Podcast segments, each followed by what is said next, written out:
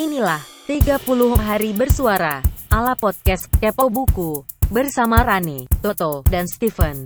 Selamat mendengarkan.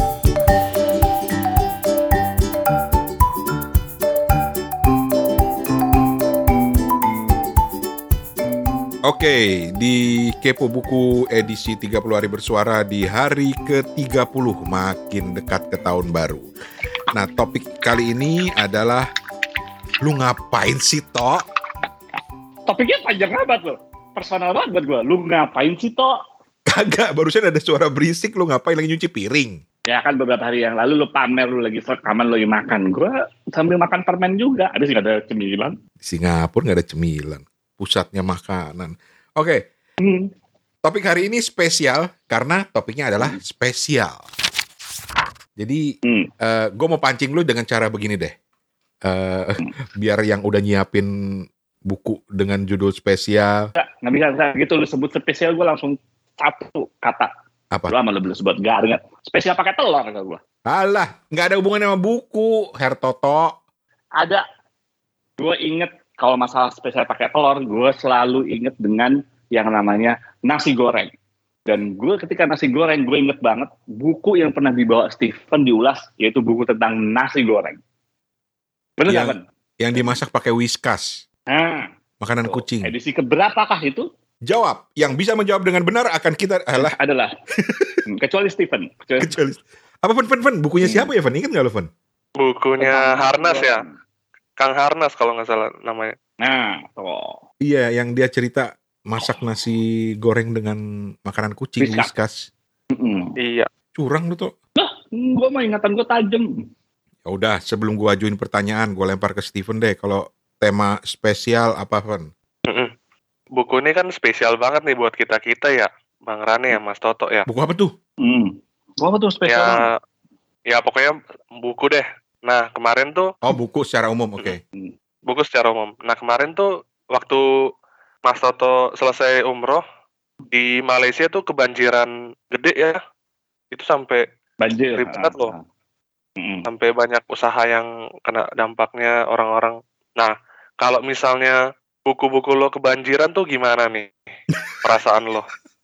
Wah, itu mah spesifik banget ceritanya buat Randi. yoi buat gua itu Yang pernah kebanjiran. yoi gua pernah kebanjiran hampir 2 meter gua di Bekasi dan itu menyebabkan beberapa buku gua eh, Ngambang. rest in peace ngambang bareng tokai bareng kasur segala macam Hmm.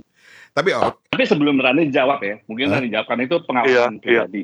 Tapi kalau gue ngebayangin bagaimana kalau gue kehilangan buku gitu mungkin. Koleksi-koleksi buku gue yang tiba-tiba bukan karena memang gue mau sumbangin, bukan karena memang gue mau kasih orang gitu kan, atau Hmm. mungkin gue akan jual gitu.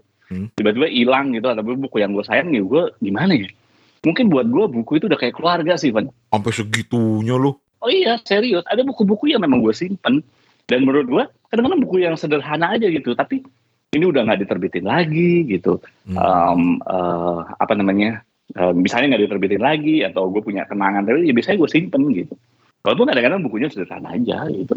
Bukan suatu buku yang gimana gitu punya. Tapi personal makanya itu gue nggak bisa ngebayangin kalau ketika buku orang kadang-kadang bukunya diberesin sama istri gue gitu ya Hmm. ditaruh di gue loh buku gue ini mana ya? Kok lu apa sih? Ya apalah. Tapi kan lu nggak pernah baca tiap hari ya. Karena buku itu gue tahu itu gue yang yang gimana ya? Udah udah gue inget gitu.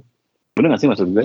Keren Hmm. keren nih keren nih jadi spesial tuh ya buku yang mempunyai kesan tersendiri di hati lu ya Iya gitu.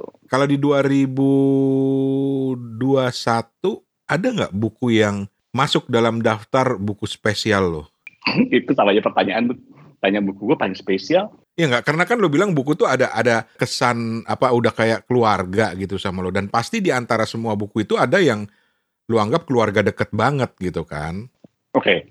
Mungkin Yang, yang mungkin lo nggak akan kasih ke siapa pun karena buat lo ini berharga gitu. mungkin em, buku yang salah satu spesial gue justru buku yang selalu kita omongin bukan selalu kita omongin ya yang membuat gue beli buku ini karena kita selalu ngomongin toh lu kok nggak bisa baca cergam sih jadi pertama kali yang gue inget adalah bukunya yang bukan gue spesial ya itu adalah Sabrina karena itu adalah Sabrina bener ya judulnya ya Oh Sabrina novel grafis.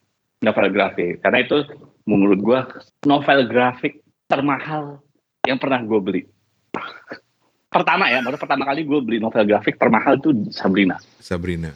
Itu. Itu yang paling spesial ya. Mm-mm. Itu 2021 apa 2022 ya? Pokoknya pokoknya kalau lu ngomong yang spesial di buku Sabrina, mungkin itu gitu. Lu ceritanya kan di 2021 ini. 2020 apa 2021 ya? Dua, di Pokoknya tahun ini spesial lu cerita. Gitu. Gitu. Jadi ya walaupun terbitnya udah jauh sebelumnya tapi kan yang gua maksud adalah buku di tahun ini yang lu beli di tahun ini yang lu anggap spesial. Jadi Sabrina ya. Sekarang kita tanya juragan buku nih. Pusing-pusing dia mikir nih. Di 2021 lu sebut satu buku yang menurut lu masuk dalam kategori spesial. Steven. Ada, ada tuh. Ada. Buku catatan hariannya Arswendo yang di yang dicetak ulang gitu. Catatan harian Arswendo. Emang ada? Iya, jadi kan ada apa ya? Ada kayak ketikan-ketikan beliau yang tersimpan di komputer, di Hmm. dilihat lagi. Oh, ada nih, ada nih tentang kehidupan awal-awal mereka di Jakarta misalnya. Ketika Oh. beliau harus Hmm. mengandalkan pekerjaan istri serabutan untuk cuma membeli mesin tik misalnya. Dan Hmm. juga banyak apa ya banyak testimoni-testimoni dari para sahabat, para kolega di buku itu. Oh, gue tahu, gue tahu nih. Gara-gara diulas di Kepo Buku, gue beli nih buku nih. Judulnya Bersyukur Tanpa Libur kan? Iya betul. Catatan Kehidupan Arswendo Atmowiloto. Wah, iya cakep. Yang bagian yang gue suka dari buku itu adalah ketika dia cerita tentang anjingnya. Oh iya, Iya kan? Ada bagian itu kan, anjing kesayangannya. Gitu. Wah, dapat juga. Rupanya juragan buku juga ada buku spesialnya ya. iya. Oke, Itu yang bikin yang bikin mewek juga nih di awal tahun tuh. sampai mewek deh. Kenapa tuh bisa mewek? Ya pokoknya benar-benar apa ya menyentuh aja gitu, Mas Toto. Hmm. Selain ada satu juga buku yang bikin mewek asli, Apa tuh, apa tuh? yang apa eh, Bandung Van Celebes. Alah, Kenapa lagi? itu Boleh dong, boleh dong. Iya iya, sampai dua kali lo dibahas lo di 30 hari bersuara lo.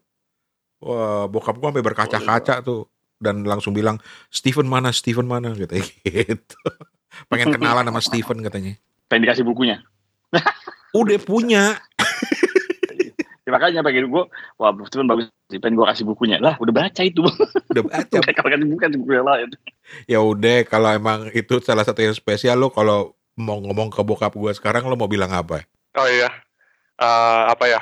Eh, eh, Puang, terima kasih ya udah bikin arsip-arsip tulisan Puang selama masa kecil, remaja, dan ketika sudah berkeluarga. Itu kayak apa ya? Itu kayak em, kebijaksanaan-kebijaksanaan, kearifan yang yang tidak akan bisa lepas lah dari para pembaca gitu. Wah. Terima kasih. Dan di luar dugaan ini tanpa kita rencanakan sekarang kita hadirkan bapaknya Rane. Silakan. Enggak ada. Oh, bener. Bener, langsung tarik-tarik bokap lo. Kan kayak kayak ini kayak apa namanya? eh Hitam putih. hitam Hitam hitam putih. putih. Apa sih hitam putih? Udah kayak ada. Kayak acara lapor Pak. Tiba-tiba nongol. Oke. Itu topik spesial. Nah, kalau buku yang masuk dalam kategori paling spesial, walaupun udah terbitnya lama, tapi kemudian gue udah pernah baca, bukunya hilang, tapi kemudian gue beli lagi dan gue baca kembali, itu judulnya adalah Still Like an Artist oleh Austin Kleon. Lu pernah denger nggak buku itu? Wah, kalau belum, lu wajib beli toh. Stephen apa Apa lagi? tuh? Still Like an Artist, Austin Kleon.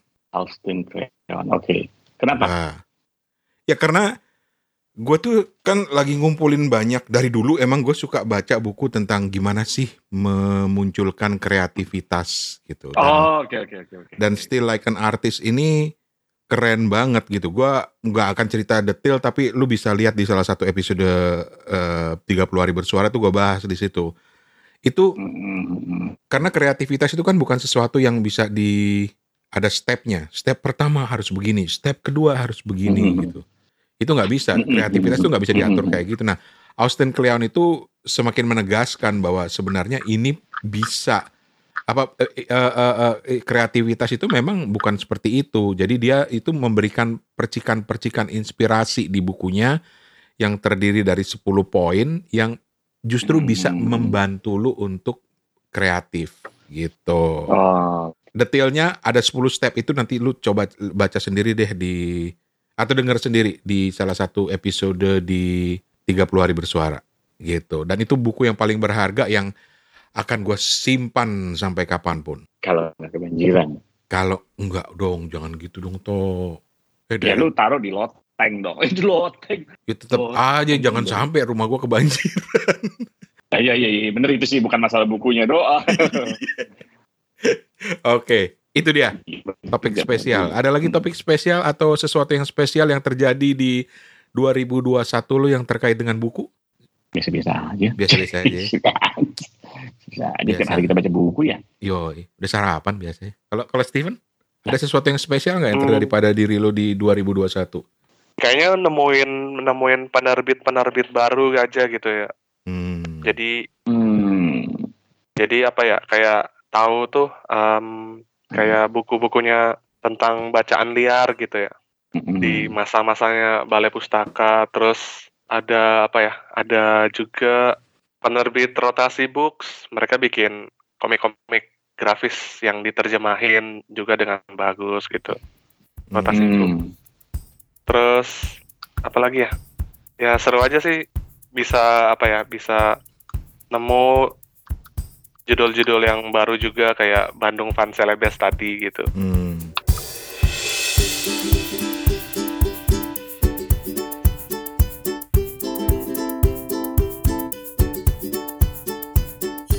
yang pengen aku tanya nih buat Bang Rane nih yang kemarin di acaranya pacar bu yang di yang di acaranya pacar merah gimana tuh tanggapan audiens ataupun apa sih yang bikin Bang Rane tertarik untuk apa ya lihat para pelantang-pelantang buku di di zaman media sosial kayak sekarang ini Keren, apa insight-nya gitu asli Kira-kira. keren, asli keren, keren banget.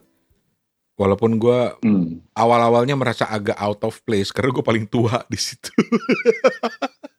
Mm-mm. Dan tuanya itu tua jauh, bukan tua yang beda 2-3 tahun, jauh. Jauh banget. Banyak yang udah seumur anak gue, Oh.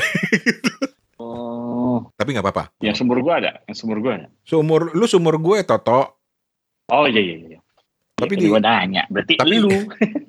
tapi gue seneng karena di acara pacar merah itu eh, apa ya membuka membuka wawasan gue bahwa oh eh, generasi sekarang dan kesukaannya pada buku itu seperti apa kemudian juga dikaitkan dengan eh, kehidupan mereka dunia mereka sekarang buat gue tuh Hmm. ngebuka mata gue banget lah gitu loh karena selama ini kan mungkin gue ini sudah masuk kategori bapak-bapak penggerutu yang selalu merasa bahwa wah anak-anak sekarang nggak baca, males baca.